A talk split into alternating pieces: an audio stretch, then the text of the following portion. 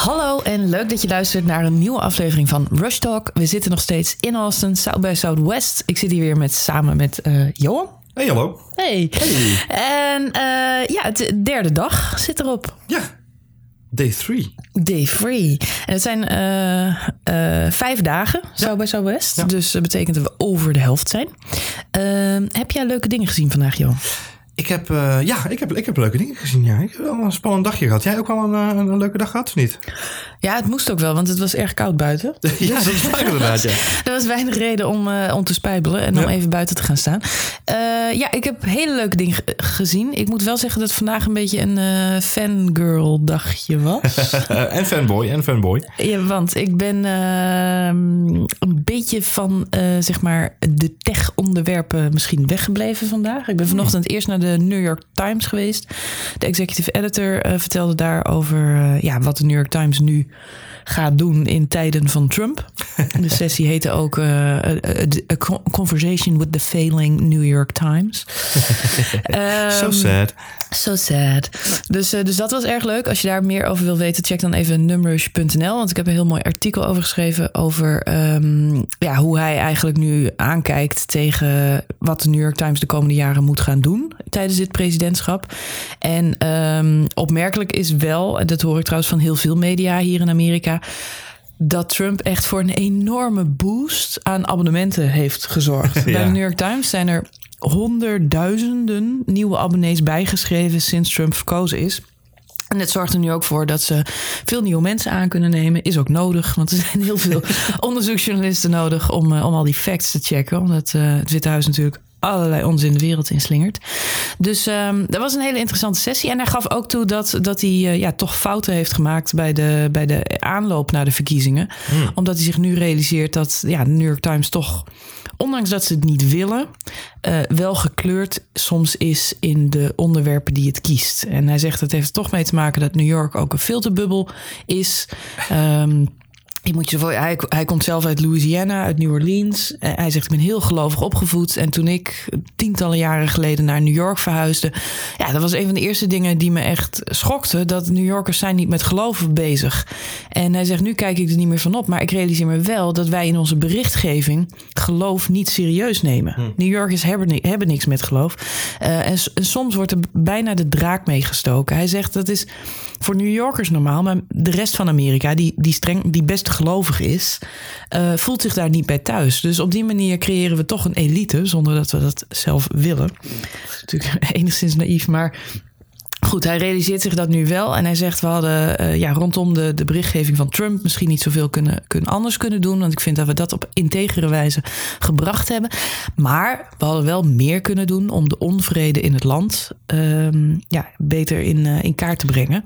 En eh, daarin zijn we wel tekortgeschoten, vond hij zelf. Hey, maar jij zegt inderdaad van, dat speelde ook wel een beetje in jouw stuk door, vond ik. Ze gaan wel echt uit van eh, eh, jaren, hè? Het is, eh, wij, zoals ik, misschien wel een beetje tegen beter weten in, ben nog steeds een beetje zo van, nou hopelijk zetten ze hem binnen nu in een paar maanden gewoon lekker af. Nou, die vraag kreeg hij ook. Oh, Er was een vraag uit de zaal waar de vraag werd gesteld: hoe lang denkt u dat president Trump zijn termijn vol gaat maken? Eh, maar daar deed hij geen uitspraak over. Met andere woorden, hij zei van: nou ja. We, we, als journalist moet je ervan uitgaan dat hij de vier jaar vol gaat maken. En zo staan we in de wedstrijd. als journalist en als ondernemer in de New York Times, want zoveel Ik nieuwe denk dat abonnees. hij dat ook niet kan zeggen, want hij is al uit het Witte Huis getrapt een paar keer. Dus eh, Nee, dat is is inderdaad een, dat, eh, dat delicate tegen alle regels in. Maar ik vind het wel grappig dat de perceptie inderdaad is van eh, eh, we're stuck with him, so deal with it. Dat is een beetje Ja. de, de perceptie die ik ook wel in Nou, andere dat zei, media hij- dat zei hij ook. Hij zegt election night was, was echt een shock. Er was echt een chaos bij ons op de redactie. Nou, dat geeft in zekere zin natuurlijk ook wel aan hoe gekleurd je, je, je, je Ja. redactie toch is. Of in elk geval, hij zei bijvoorbeeld ook over...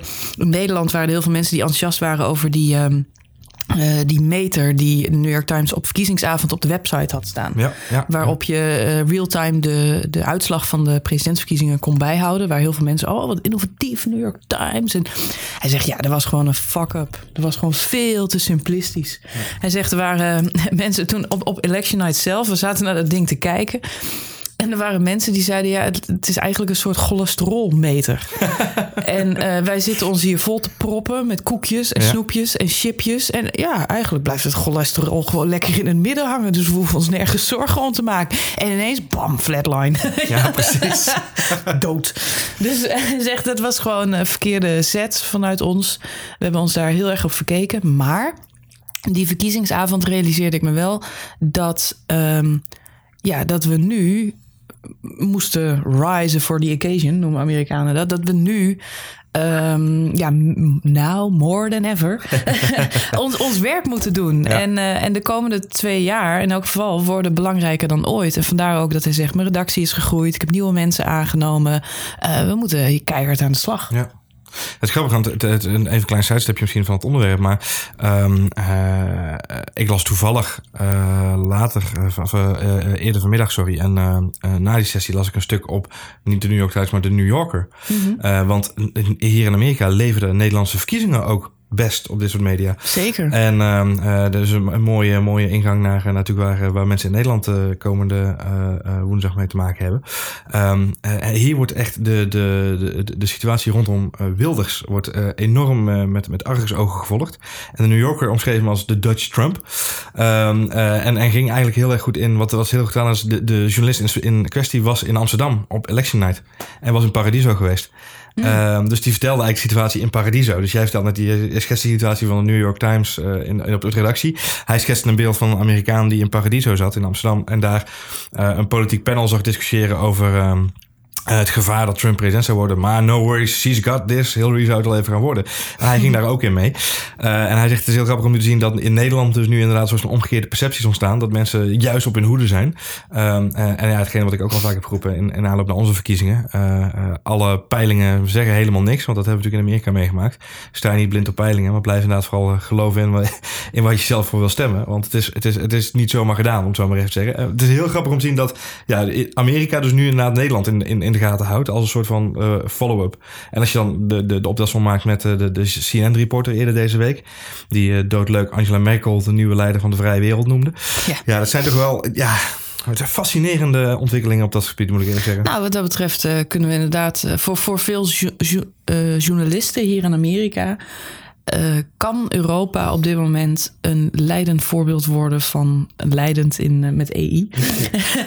in, eh, in, in, ehm, in hoe we dit omdraaien. Ja. En hoe we hier toch uitkomen. En daarom is die interesse denk ik ook groot. Want het kwartje kan twee kanten opvallen. Brexit is de verkeerde kant opgevallen. Ehm, maar Nederland, Duitsland, Frankrijk, allemaal verkiezingen. En nu is de vraag, gaan ze er allemaal, eh, gaan ze er allemaal aan? Ja. en wordt het, eh, wordt het een grim eh, wereld de komende paar jaar? Ja. Of ja, leren we nu van wat er gebeurt en, en, en ontstaat er een tegenbeweging? Vandaag was overigens in het nieuws dat Schotland zijn best gaat doen voor een nieuw referendum. Ja. Dus die willen alsnog onafhankelijk worden. Dus wat dat betreft zijn er genoeg eh, tegeninitiatieven in de wereld. Zo is het ook weer inderdaad. Het spel is nog niet gespeeld. Nee, nee, nee, waar, waar, terwijl jij dus inderdaad eh, in... eh, Speaking of game. Speaking of game. Vertel. Ik heb vandaag de showwriters van Game of Thrones gezien. ik zat helemaal vooraan, was echt gek. Ehm, en die werden geïnterviewd door eh, Macy Williams en Sophie Turner. Mhm, mhm. Dat zijn de twee eh, Stark-dochters. Ja. Voor wie eh, de serie eh, volgt. En dat was, dat was echt leuk. Jij was er ook bij, toch? Ja, maar ik- vond je het echt... Ik, ik vond het af en toe een beetje... Ik, ik vond het leuk om die mensen te zien hoor. En ik vond, ik vond, ik vond de screenwriter erg grappig. Omdat ze gewoon... Dat zijn schrijvers. Die hebben humor. En, en ze laten dan ook wel op de juiste momenten doorschemeren. eh, eh, dat, ze de, dat ze zeg maar wel een flinke... eh, wat in de pap te hebben. Want ze hadden ook gewoon de vragen geschreven hè, voor het panel. Ja. Dus eh, Maisie Williams en, en Sophia... Sophia? Sophie? Sophie. Sophie Turner, die, die lazen natuurlijk vragen voor. Dat waren de moderators, maar die vragen zijn toen Sansa Stark. keurig geschreven door, was- door de schrijvers Het was zelf. heel leuk, want Sansa Stark kwam oplopen en vanuit de zaal begonnen echt vrouwen te roepen: Queen of the North! dat was echt heldin werd, eh, werd binnengehaald. Heel Ja, tof. en dat terwijl, dat, dat terwijl ze inderdaad, dat, dat, dat merkte ik zo scherp op, dat ze in de eerste twee seizoenen echt verguisd werd door het publiek. Ja, en, En- nu langzaamaan tot, langzaamaan, tot een eh, inderdaad, verzetssymbol langzaamaan, aan ja. het worden is. Maar goed, volgens de, de, volgens de schrijvers gaan ze nu gewoon dit seizoen dood, hè? Dus, eh, Nou, dat is natuurlijk. Ik zat, gag, ik zat naast, dat was wel grappig. Ik zat naast een Hollywood reporter. Een Ja. meisje die echt frantically zat eh, te typen op een of andere Hollywood, eh, Hollywoodlife.com of zo. Een of andere showbiz eh, website. Dus die zat echt elke scoop of, of, of draadje wat ze zeg maar uit het verhaal kon vissen. Zat ze als een malle meteen real-time te bloggen. Dat was wel leuk om te zien. Ook de mensen van Vanity Fair zaten in de zaal. En Iedereen zat natuurlijk te wachten op spoilers voor seizoen 7. Ehm, nou, waar een paar, paar insights voor de fans, mensen die het leuk vinden.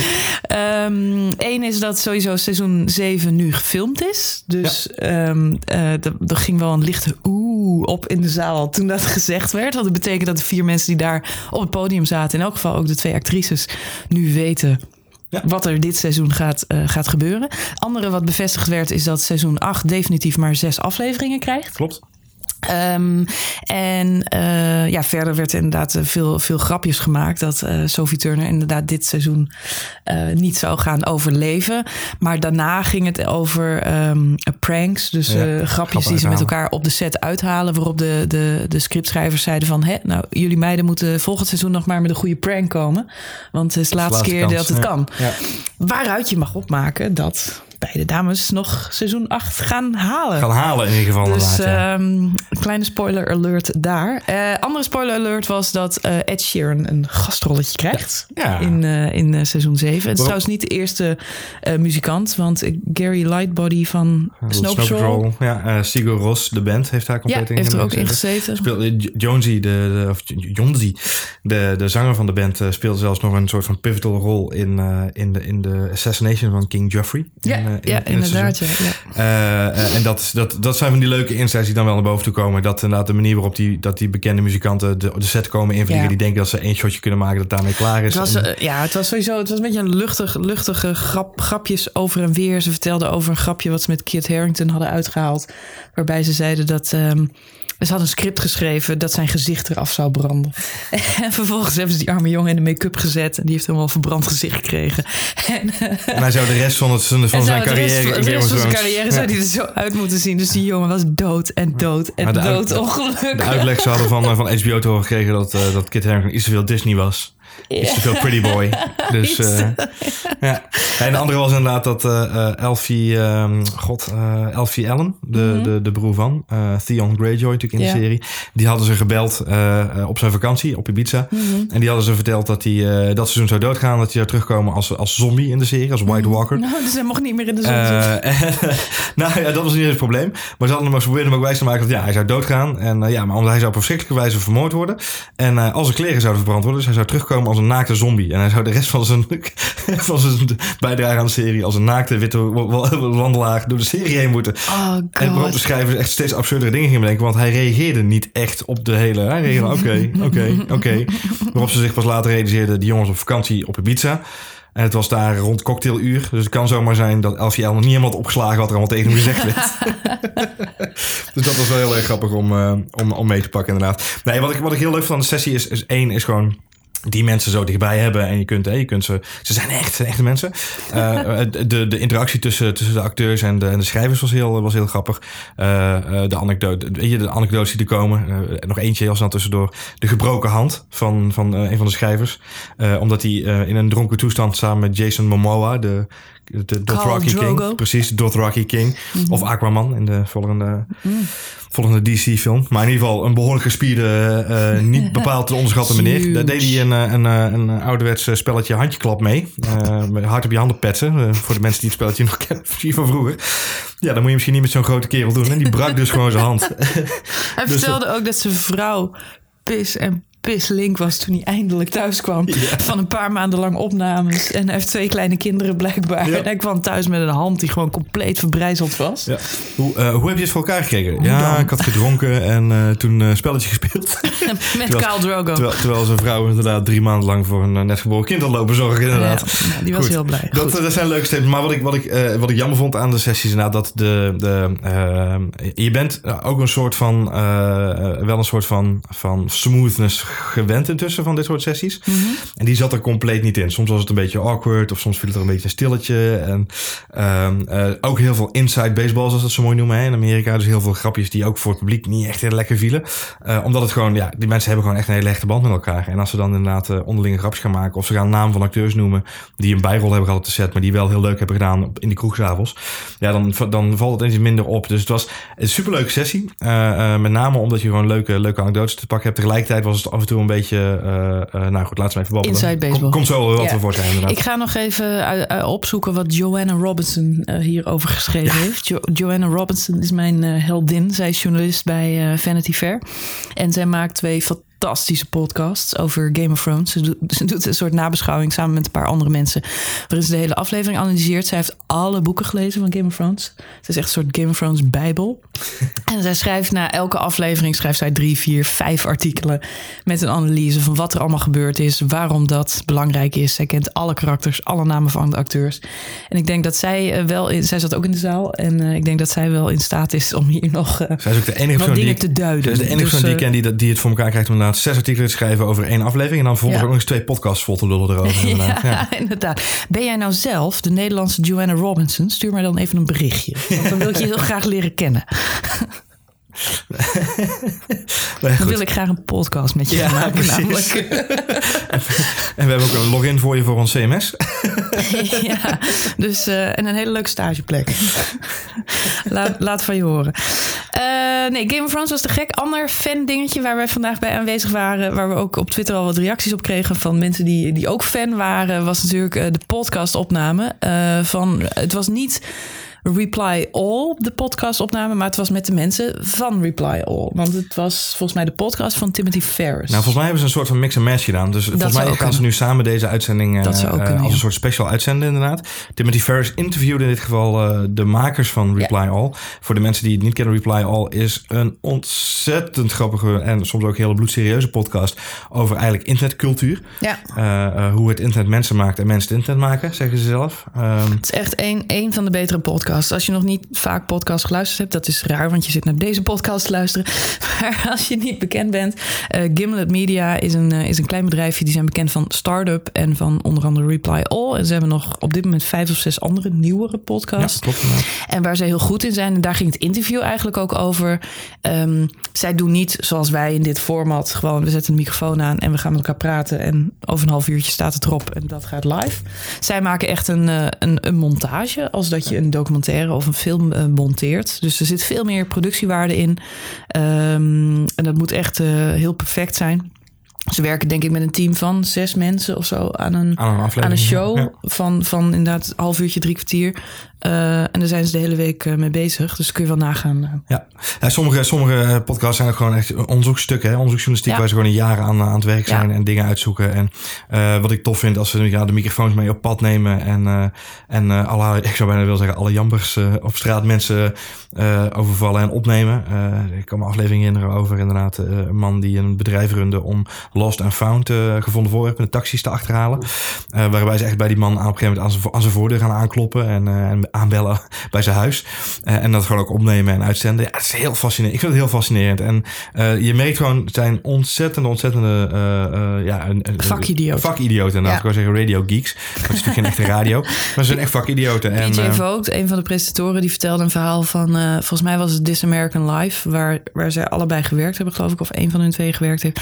Wat in Amerika echt het showcase van... van, van van hoorspellen is, dan moet ik, of van podcast, moet ik eigenlijk zeggen dat het ook begonnen is als radioprogramma. Het zijn gewoon over het algemeen natuurlijk goede radiomakers die nu weer in de podcast eh, sfeer zitten. Ehm, en hij gaf een voorbeeld van, van gewoon een montage. Het was echt zo'n zo'n geek dingetje. Hij zegt ja, ze deden dit en dit en toen kwam dit fragment erin en dat hadden ze ook op een andere manier kunnen doen. Maar doordat ze dit deden was het zo briljant en ik kreeg gewoon tranen in mijn ogen over hoe goed het gemonteerd was.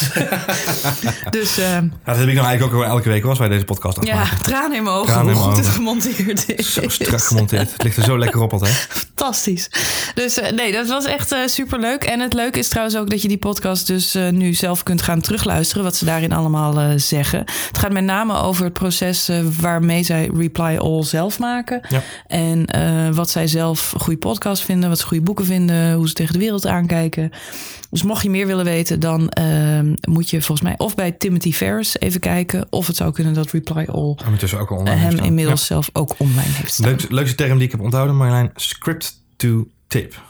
Script to tape, ja. Dus inderdaad... Ja, eh, ze leggen wat vakjargon je, uit. je, inderdaad, je, je voice-overs, dus je ingesproken Ja. stukken aanpassen aan hetgene wat je na op tape gaat afspelen. Ja, ze vertelde Heel van het, het, het vervelende proces dat je dus de hele montage gemaakt hebt van je podcast en daarna met je collega's om tafel gaat zitten en het afspeelt. Table listening. Waarbij je collega's achter een laptop zitten die, eh, die beginnen te typen als iets ze niet zint. en, zowel eh, eh, Alex Goldman als PJ Vogt, de twee makers van de podcast, die zeggen dat is echt het ergste moment van de week. En eh, vaak is het drie keer per week. Omdat je gewoon, ja, je wordt gewoon afgebrand. Maar goed, eh, daardoor is de podcast uiteindelijk wel goed. Ja, nee, het, Dus, is inderdaad, eh, het zijn, zijn top, topproducties ja. uiteraard. Hey, we, we zagen volgens mij vandaag ook nog wel een aantal dingetjes eh, in, de, in de categorie eh, do good, feel, feel good, improve the world. Ja, save, Ehm, save the cheerleader. Save the cheerleader, save, the world. Ja. Hashtag save Twitter, save the world. Ehm, eh, eh, eh, ik denk dat het goed is als we met, met jouw sessie afsluiten. En ik denk dat, dat, dat- Oh. ik vind het namelijk, dat vond ik ook, daar zat ik toevallig ook bij. Mhm. En, en dat was een hele inspirerende sessie. Ik denk dat het een iets, nou luchtiger zou ik niet willen zeggen, maar een iets makkelijker onderwerp om even, even kort te zoomen. Wat ik vandaag zag, was een virtual, virtual reality documentaire. Mhm. En dat klinkt eh, eh, eh, spannender dan, dan, nee dat klinkt spannender. Nou, daar zijn er al best veel van. En dan- Ja, dat, dat is inderdaad het punt dat ik wilde maken. Ik wil zeggen, dat klinkt, dat klinkt spannender dan het is, omdat er al meerdere van zijn. Maar dat is niet de juiste uitdrukking, maar, maar vergeef het me even. Er zijn inderdaad meerdere virtual reality documentaires. We hebben Welcome to Aleppo gehad. Ehm, van een, volgens mij een Engelse jongen die, die inderdaad met een virtual reality rig door de verlaten straat van Aleppo is gaan rijden. En, en dat was natuurlijk heel erg confronterend. Ehm KRO NCRV heeft een documentaire gemaakt eh, over de vlucht van eh, eh, vluchtelingen uit Syrië naar Europa. Waarbij ze ook met virtual reality rig van... ehm, eh, vanuit Syrië richting Lesbos zijn gegaan. En eigenlijk die hele reis inzichtelijk hebben gemaakt. Dit project, het project heette Four Walls. Eh, en in het panel eh, waar ik was, daar zaten de makers van de documentaire You Visit. Samen met de opdrachtgever van deze de interactieve documentaire. Dat is het IRC. Dat heeft niks te maken met het chatkanaal. maar alles te maken met de International Rescue Community. Zij zijn een soort van ko- overkoepelende rescue hulpdienstenorganisatie. En ehm, zij hebben een documentaire gemaakt. En die gaat eigenlijk over een veel minder goed eh, uitgelicht eh, impact van de oorlog in Syrië. En dat is de impact op Libanon. Oké. Ehm, wat niet veel mensen weten is, Libanon ligt natuurlijk naast Syrië, die delen een grens. En eh, sinds 2011 is daar, eh, zijn daar een hoop mensen de, de, de, de, de grens overgestoken. Ehm, Libanon telde in 2011 4,4 miljoen inwoners. En daar kwamen, sinds 2011 zijn daar anderhalf miljoen Syrische vluchtelingen bijgekomen. Tjeetje. Dat betekent dat op dit moment eh één op de vier mensen in, eh, in eh, Libanon is een. Sy- is een vluchteling. Ja, is een, even, dan laat ik het even tussen midden Syriër is of misschien een andere vluchteling. Maar dat- dat levert ontzettende complexe situaties op. Eh merendeel van al die vluchtelingen leven in de, in de urban eh, eh, landscapes, zoals we het zelf noemen. In de, in de, grote grotere steden die het, eh, die het land telt. Het is natuurlijk niet zo'n heel erg groot en groot doorontwikkeld land. Ehm, eh, dus in de grotere steden is er echt last van overbevolking. Omdat 90% van alle vluchtelingen naar de steden trekt. En daar is eigenlijk ja, nauwelijks ruimte om dit soort mensen op te vangen. Eh, eh, eh, zo- Zo'n grote mensenmassa. En dat levert echt hele claustrofobische situaties op. Van mensen die in hele kleine ruimtes leven. Die echt een kamer hebben. En daar zitten ze met een gezin met tien mensen in. Weet je wel. Is ja, fascinerend. eh, of en eigenlijk eh, intrigerend om te zien. Ehm, ehm, wat zij gedaan hebben is. Zij zijn met een, Britse actrice. Zijn zij naar, eh, naar Libanon gegaan. En zij hebben met haar samen een interactieve virtual reality documentaire gemaakt. Dus wat je eigenlijk ziet is. Je hebt een, storyline van acht minuten waarin je in virtual reality vanuit de grens van Syrië meegenomen wordt naar zo'n vluchtelingenkamp en dan vervolgens naar een stad waar mensen, dan zit je echt in zo'n kamer waar mensen dan wonen als ze eenmaal uit een kamp zijn, zijn eh, doorgestuurd naar de stad. Dus je zit eerst in dat kamp en dan vervolgens in die stad. En ja, je kunt om je heen kijken, dus je zit er heel dicht op. Je ziet echt hoe nauw die mensen leven, hoe belabberd die leefomstandigheden eigenlijk zijn. Ehm, je ziet ook hoe, welke mensen er uh, zich inzetten voor de, uh, voor de vluchtelingen vanuit, vanuit de gemeenschap zelf daar. Het is een heel fascinerend beeld. Uh, maar wat ik, wat ik ja, heel mooi vind, is dat ze ervoor gekozen hebben om een interactief verhaal van te maken. Dus op het moment dat jij in een kamer zit en je, je bent daar aan het rondkijken, je kunt daar gewoon blijven rondkijken. Je kunt daar blijven zitten. Je kunt in totaal dus in een, in een lineaire verhaal van, van acht minuten kun je het hele verhaal kun je meepakken. Mm -hmm. Maar je kunt elke keer zijsprongetjes maken. Dus je kunt even naar een, naar een side documentairetje. En dan, ga je daar, dan krijg je daar nog even wat uitleg van die presentatrice, die Britse actrice, Rashida Jones. Um, mm -hmm. Die legt dan even wat dingetjes uit. Die praat met wat mensen. En dan krijg je dan wat dingen van te zien. En um, uh, uiteindelijk is dan de, de, totale compilatie is dan, uh, uh, geloof ik, een kwartier aan, aan documentaire. En dat maakt het zoveel anders dan Welcome to Aleppo of de NCRV-documentaire die is uitgezonden. Omdat het echt een interactief verhaal is. En uh, de opdrachtgever, die mevrouw van de IRC, zei ook: Weet je, dichter dan dit kunnen onze donateurs niet bij de situatie brengen die wij elke dag meemaken in die gebieden, waar wij ons werk doen. Mm -hmm. uh, weet je, beklemmender dan dit kunnen we het niet voor ze maken. Um, waarom vond ik het nou zo fascinerend? Uh, dat interactieve stuk vond ik heel erg goed bedacht. Wat ze ook gedaan hebben, is eigenlijk in die documentaire constant de optie gegeven om te kunnen donateren. Uh, doneren, sorry. Donate. te doneren. Um, dus uh, dat is natuurlijk heel slim. Omdat mensen dus constant vanuit die virtual reality ervaring... eigenlijk heel simpel met een druk op de knop al konden aangeven... ik wil doneren. Uh, in de app werd er dan vervolgens gewoon een betaalverzoek aangemaakt. En dan kon je dus vrij gemakkelijk kon je gewoon geld overmaken naar deze stichting. In VR? Of? Ja, in VR, ja. Moest, moest je dan twee keer knikken met je hoofd en met je geld overgemaakt? Of? Ja, en met een natte zalm boven je hoofd zwaaien. Nee, het, is, het was daadwerkelijk een touch interface. Dus ze hebben het voor, voor Google Daydream uh, hebben ze het gemaakt. En daar heb, je, daar heb je gewoon een controller in je hand. Dat geldt ook voor, uh, voor Oculus, uh, geloof ik. Mm -hmm. um, en voor mensen die een smartphone op hun, de, op hun hoofd hadden, had, was er een interface waarbij je kon bewegen en helemaal naar rechts. En dan stond er een ja en nee knop. Oké. Okay. Um, het, is, uh, het, is, het is een grappig voor. Ik realiseer me ineens dat ik uh, misschien al wel 15 jaar geleden een keer in Normandië ben geweest. Waar natuurlijk uh, D-Day heeft plaatsgevonden en heel veel oorlogs, Tweede Wereldoorlog musea nog steeds zijn. En ik ben daar in het museum geweest, het, het Canada Oorlogsmuseum. En ik kan me herinneren dat als je daar binnenkomt, word je een kamer ingeleid. En die kamer is aan weerszijden uh, omgeven door een soort metalen bak waar je dan in staat. En dan gaan de deuren dicht. En op dat moment begint zich een 360 graden film om jou heen, dus in die kamer, oh, wow. af te spelen. En zit jij op een ponton samen tussen de uh, soldaten die ja. afstevenen op de, de kust van Normandië. En ook op het plafond wordt geprojecteerd. En um, je ziet om je heen en je, je kijkt mensen aan die net zo groot zijn als jijzelf. Je kijkt jonge jongens aan ja. Ja, met de angst in hun ogen. Het zijn echte beelden die ze hiervoor gebruikt hebben, die ze nabewerkt hebben op zo'n manier dat je tussen de soldaten zit. En over je heen komen de bommenwerpers vliegen. Die naar de kust razen. En dat, dit is 15 jaar geleden, maar dat maakte zo'n indruk op me. Ja. En ik realiseer me dat dit. Um, ja, er was gisteren ook, ik ben er niet heen geweest, maar er was ook een sessie over de toekomst van musea. Mm -hmm. um, en dit soort experiences, zoals je het net ook schetst, ik moet ook gelijk aan het Anne Frank Museum denken. Het zal ja. vast niet lang meer duren voordat het Anne Frank Museum ook iets met VR gaat doen. Alhoewel ik me blijf afvragen um, hoe uh, ja, hoe sociaal geaccepteerd het gaat worden dat mensen allemaal met een brilletje op iets gaan ervaren. Mm -hmm. Uiteindelijk zijn wij toch tactile people en we willen iets vaak met andere mensen kunnen delen. Mhm. Mm -hmm. um, uh, ik, ik heb in Edinburgh gestudeerd en daar zijn de ghost tours heel erg uh, hot. Uh, ik heb daar met een klasgenootje van mij die gaf van die tours. Toen ben ik een keer mee geweest. En ze gebruiken ook soms tactiekjes om, om, om, om, om zo'n ghost tour nog extra spannend te maken. En een van die tactieken was, je komt in het ondergrondse gangenstelsel van Edinburgh. En dan zegt de tourguide: uh, Oké, okay, er wonen hier allemaal geesten. En die houden niet van mannen en vrouwen die bij elkaar horen. Want uh, verstoorde liefde. Dus willen de mannen even aan die kant gaan staan. En de vrouwen even aan die kant. Dat betekent dat je wordt gescheiden van je partner. En op dat moment valt het licht uit. En komt er ineens een of andere fladderende acteur langs. Schrik je je de tering. Maar je bent ook nog eens niet bij degene met wie je daar gekomen bent. Dus het was echt een uh, grappige situatie. Dat al die vrouwtjes die bij elkaar stonden. die elkaar allemaal niet kennen. die klampen elkaar allemaal vast. Een ooggilletje. Maar de mannen die doen precies hetzelfde. Met andere woorden, acteurs en, en, en, en ja, mensen in de toeristenindustrie en, en bij musea, die weten natuurlijk ook ja, dat, dat dat, er- dat er meer trucjes zijn om iets levensecht te laten Jawel, lijken. Om iets te laten beleven, zeg Ja. maar. En ik vraag me heel erg af. Ik vind het te gek, VR. Ik vind het echt super. Ehm, maar ik merk, e- e- één, ik word er nog steeds eh, misselijk van. Mhm. eh, als ik het langer dan vijf minuten eh, kijk. Ja. Ehm, en, en twee, het is zo'n isolement. Je zit zo in je eentje je, in, Ja. een, in een kamer. Dus ik, ik ben nog steeds benieuwd naar hoe VR en, en inderdaad zo'n oorlogsgebied wat jij nu schetst. Of, of een musea. Of weet je hoe die twee dichter bij elkaar gaan komen. Maar ik denk, ik denk dat, dat je aantal dingen moet scheiden in wat je nu zegt inderdaad. Wat, ik- wat, wat je hier ziet ont- ontstaan. Wat, op Zuid Zuidwest hebben we een aantal voorbeelden ook eh, daadwerkelijk in de hallen staan. Als je in het convention center wat, wat rond gaat lopen, staan er vier verschillende soorten VR-experiences.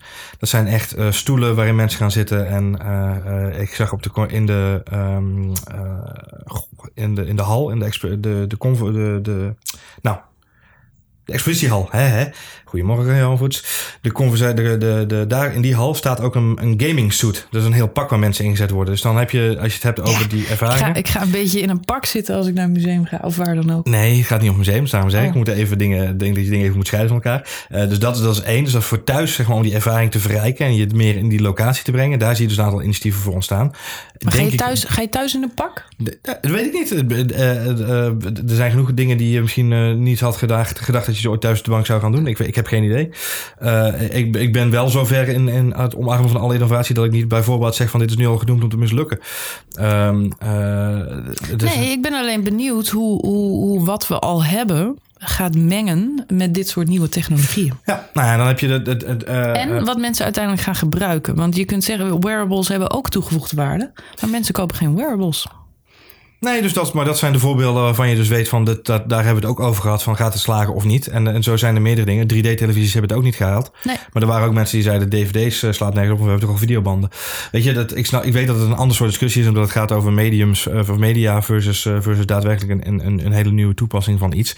Ehm, maar wat ik bijvoorbeeld in Nederland een heel goed voorbeeld vind, zijn de VR-bioscopen. Waarin mensen eh, wel degelijk gewoon naar een bioscoop gaan. En daar met z'n allen een virtual reality film ervaren. Ja. Ehm, dan ga je nog steeds naar de bioscoop. Je zet wel allemaal zo'n bril op. Ehm, eh, maar goed, anno 2017 zetten we ook allemaal massaal een 3D-bril op als we naar de volgende Star Wars film gaan. Ehm, en eh, ik denk dat het leuke daarvan is. ik, heb, ik moet eerlijk zeggen dat ik het zelf niet persoonlijk heb ervaren. Misschien moeten we dat gewoon eens een keer doen. Ehm, ik denk namelijk dat je dan de, vervolgens de, de bioscoop uitstapt en, de, en, en, en al twee een compleet andere film kunt hebben gezien. Zelfde verhaallijn, maar in een andere manier hebt kunnen ervaren. Ik denk dat dat de plekken zijn waar, je, waar, waar het wel een kans heeft, zeg maar. Waar je, waar je zeker in de gaten moet houden dat het een meerwaarde kan gaan hebben. Eh, ik, wat, ik, wat ik al vaak gezegd heb, eh, eh, ik, dit soort initiatieven vind ik het goud dat mensen die inderdaad thuis de bank zitten, die eh, geëngageerd zijn in dit soort onderwerpen, die willen weten wat er speelt, die kunnen ineens naar zo'n gebied geteleporteerd worden en daar dingen doen. Dus het heeft een veel solistischere eh, approach op dingen. Maar ik denk dat er een heleboel mensen zijn die eh, eh, weet je, nu ga je ook al alleen op Wikipedia dingen lopen uitzoeken af en toe. Ga je op een soort van nerd binge. Ga je dingen eh, opzoeken, ga je informatie uitzoeken.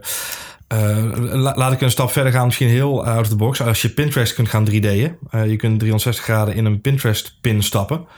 En, en je kunt daar dingen beter zien en, en, en dat liken. Ik weet het niet. Ik, ik noem zomaar wat dingen die, die zomaar zouden kunnen, kunnen, kunnen helpen. Onderaan de streep, wat misschien wel goed is om dat, misschien dat het gevoel een beetje ook te onderstrepen, is ehm, deze, deze campagne wist in 113 landen mensen te trekken. Eh, Ze hebben echt miljoenen views weten te pakken op deze, op deze documentaire. Miljoenen? Ja, miljoenen views. Echt miljoenen mensen, maar wereldwijd, hè? Dus 113 Hoe heet landen. Four het? Walls. Dus het is Four eh, rescue.org slash four-walls. Echt de meest onhandige URL aller tijden. Ehm, wat het interessante is, is dat eh, de gemiddelde tijd in de film Mhm. is acht minuten.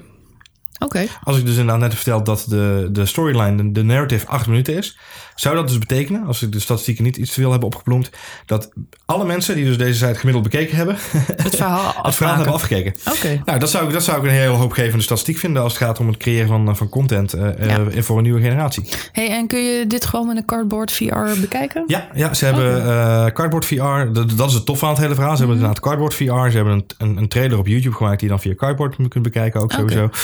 Eh, de Dus app heb je, heb je thuis nog zo'n dingetje liggen, dan, eh, dan kun je, kun je ermee aan de slag. Ja. Nou, en, eh, en je kunt ook gewoon met je muis klikken. Want dat heb ik gisteren gedaan uiteindelijk, even in de zaal. Je ja. kunt ook gewoon in de, in de experience met je muis gewoon doorheen Ja. klikken. Ja, het is Ja. natuurlijk een iets andere ervaring. Maar je App kunt wel... ook, hè?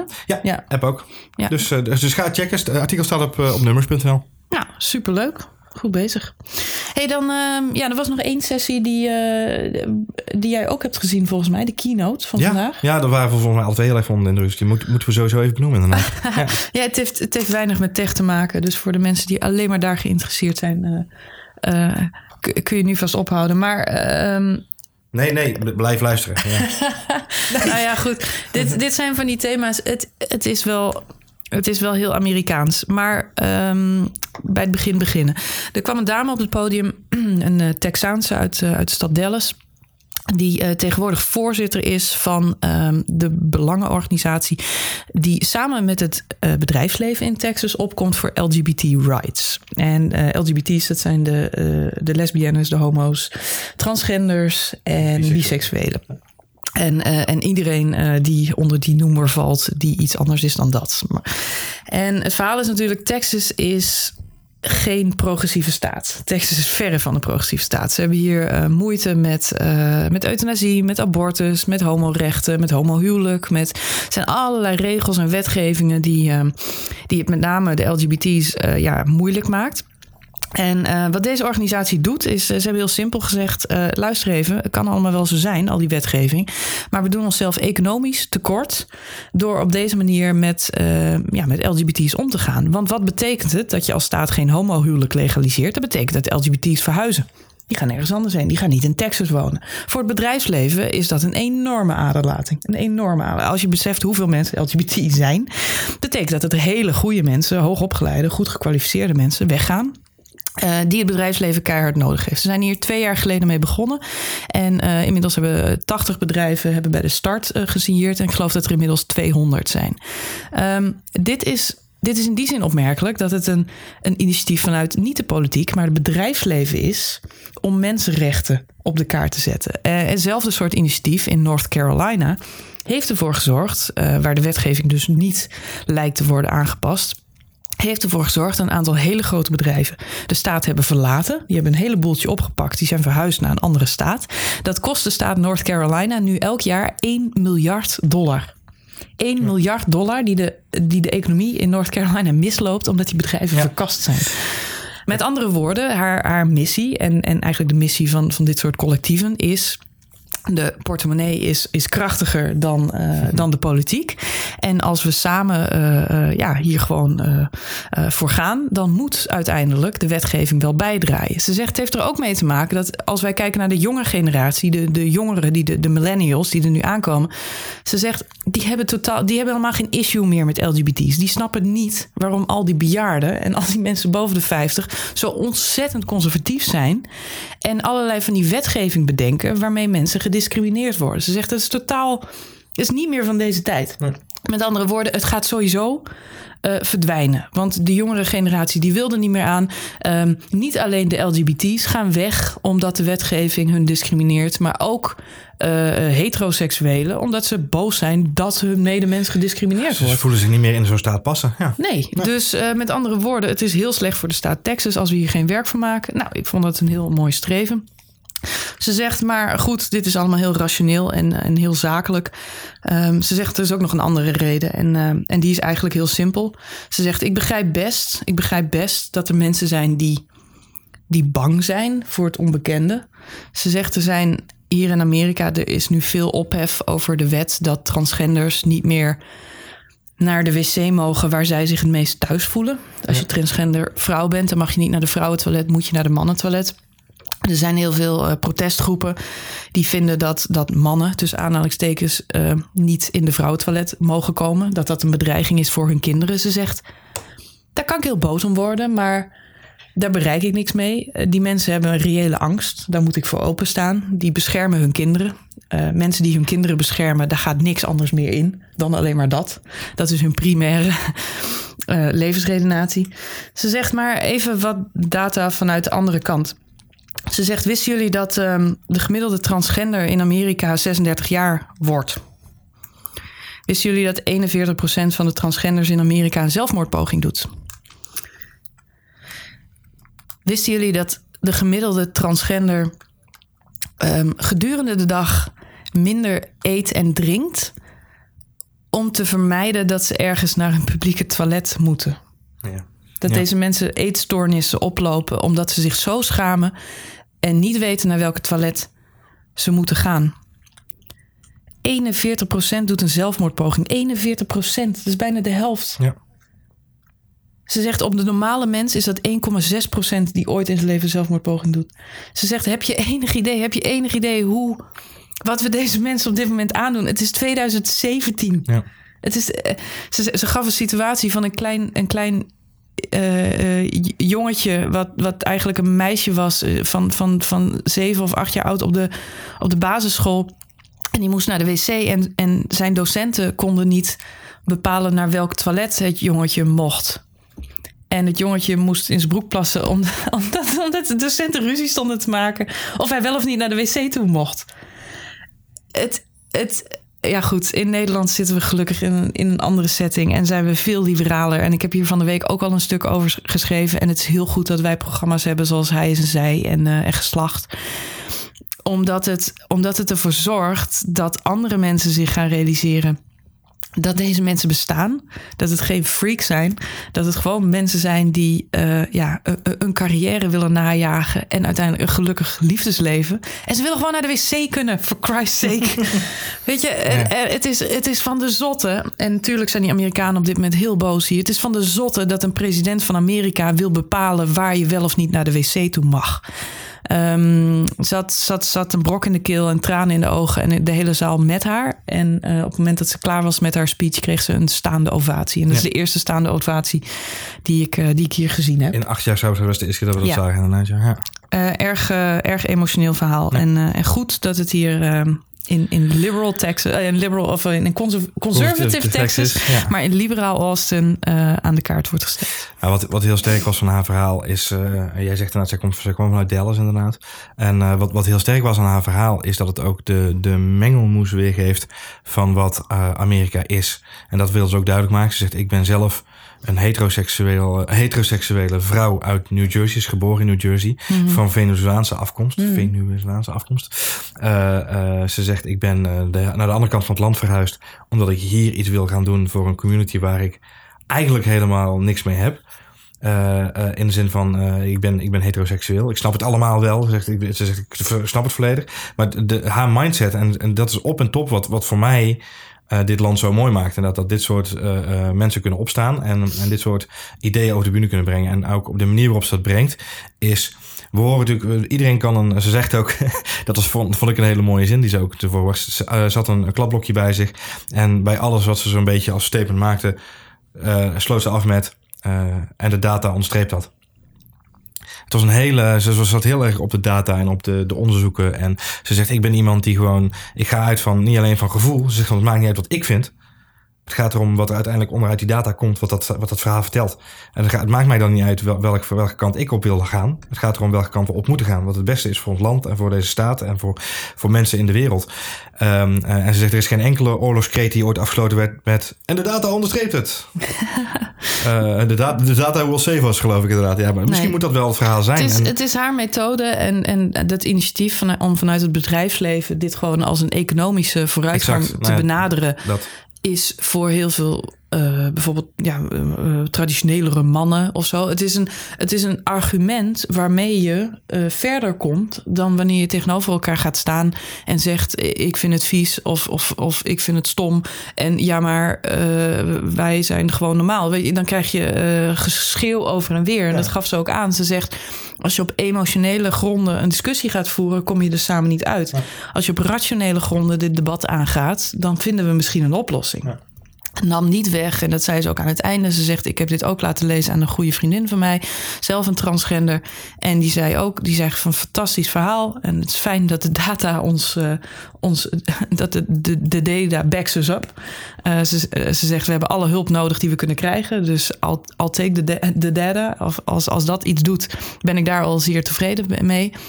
Maar wat je feitelijk zegt, en het allerbelangrijkste is dat mensen zich moeten realiseren dat ze op dit moment ehm, ons niet marginaliseren, ons niet discrimineren. Ze, ze dragen daadwerkelijk bij aan het feit dat, dat wij vermoord worden. Ja. Als je kijkt naar de zelfmoordcijfers die zo hoog zijn, dan betekent het dat we mensen zo ongelukkig maken dat we ze de dood indrijven. Ja. En, en, en dat werd natuurlijk vanuit de transgender community teruggegeven. En, en, en is in zekere zin, eh, in zekere zin waar. Ja. En dat, eh, dat gaat nog veel verder dan data. Haar verhaal is wel een verhaal van hoop. Dus ondanks het feit dat dit een hele, hele heftige afsluiter is van deze, van deze podcast. Van deze podcast. is het wel een verhaal dat gaat over hoop. En dat vind ik het mooie. Ehm eh, zij bleef ook keurig eh, lang aan het podium. Ze kwam ook even nog van het podium af om iedereen even te begroeten en nog even wat, wat antwoorden te duiden. Ze nam ook de tijd om, uh, uitgebreid tijd om de vragen te beantwoorden vanuit de zaal. Die waren er legio. Uh, en ik moet zeggen, het is, um, uh, wat ik al zeg, wat mij hoop geeft, is dat, dat jij zegt zelf wel liberaal Austin, dat dit wel weer de plek is waar dit verhaal naar voren kan komen. En het gaat erom, en dat is wat wij tegen elkaar zeiden toen we de zaal uitliepen, het gaat erom dat dit soort verhalen een, een plek krijgen waar ze verteld kunnen worden. Dat dit soort verhalen aan de buiten komen en dat ze verder gedragen worden. En dat dat de eerste stap is die we moeten maken met z'n allen om te zorgen dat we het probleem erkennen en dat we het gaan oplossen met elkaar. Dus ook al hou je alleen maar van technologie, ik ben blij dat je bent blijven luisteren. Ja. Tot uh, dit punt. Want, uh, Joe Biden hebben we vandaag helaas gemist. Ja. Gesproken over uh, Messages of Hope. Maar ik heb wel mensen gesproken die hem gezien hadden. Schijnt ook een heel goed verhaal te zijn geweest. Ja. Hij is een kankerstichting gestart. Of eigenlijk kwam het eruit voort dat eigenlijk aan het einde van het presidentschap van Obama... Obama naar hem is toegegaan. Joe Biden was natuurlijk vice president. En gezegd heeft, joh, wat is nou jouw moonshot? Wat is jouw wat zou jij nog willen veranderen in de wereld? Ja. En op dat moment, ja, hij heeft, zijn zoon is overleden aan, uh, aan kanker. kanker ja. Hij zegt, ja, kanker. Hij, ik, ik snap niet dat dat niet opgelost kan worden. Met alle, alle technologie en alle research die we hebben. Ja. En uh, waar, waar Al Gore zeg maar, het klimaat heeft omarmd na zijn uh, mislukte presidentskandidatuur, is Joe Biden dus nu met een, met een kankerinitiatief uh, begonnen. Ja. waarin hij in elk geval probeert, hij zegt van wat hetgeen wat me het meest frustreert, is dat elke dokter in de wereld redelijk voor zichzelf bezig is. Er is geen database, er is geen overlegorgaan, er is geen elektronisch patiëntendossier. De, de clinical studies die plaatsvoeren worden niet. Ik geloof maar 3% van de kankerpatiënten doet mee aan een clinical trial. Terwijl we die data zo hard nodig hebben. Ja. Um, hij zegt dus wat ik nu ga trachten te doen, is om dat bij elkaar te brengen. Zodat we hopelijk, als we eindelijk samen gaan werken, middels technologie, een doorbraak in, in kankeronderzoek kunnen realiseren. Ja. Dus uh, ook dat was een verhaal van ook hoop. een verhaal van hoop, inderdaad. En wat er ook een hoop was, wel een hoop mensen in de rij voor Joe Biden. ja, dat, Dat waren er ook een hoop. ochtends om half negen, uh, zondagochtend, de, uh, um, de, de zomertijd was ingegaan. Um, uh, normaal gesproken is dat het moment waarop je de, de echte spijbelaars in de klas wel kunt herkennen. En nu zag je gewoon de mensen echt blokkenlang in de rij staan om een, uh, om een polsbandje te halen voor Joe Biden. Ja. En dat geeft aan dat die man uh, zijn, zijn mark wel gelaten heeft, achtergelaten heeft in het Witte Huis. Dus fijn, ja. Dit was Rush Talk voor deze dag. Morgen zijn we er nog een keer. We hebben nog een hele dag bijeenkomsten. Ja. En daarna hebben we geloof ik nog een, een wrap-up. Hè? Ja, dus, dan gaan we rappen. Rappen. Ja? rappen. Heel goed. Hey, dank, weer, dank weer voor het luisteren. Leuk dat je ja, er toch een beetje bij bent hier in Austin. We horen ook heel graag je reacties. Dat kan via Twitter naar... Ed Johan Voets. Of Ed Marjolein met een lange ei. Um, en je mag ook reageren naar uh, Numrush op Twitter, Facebook of nummers.nl. En uh, dan zien wij jou graag morgen weer.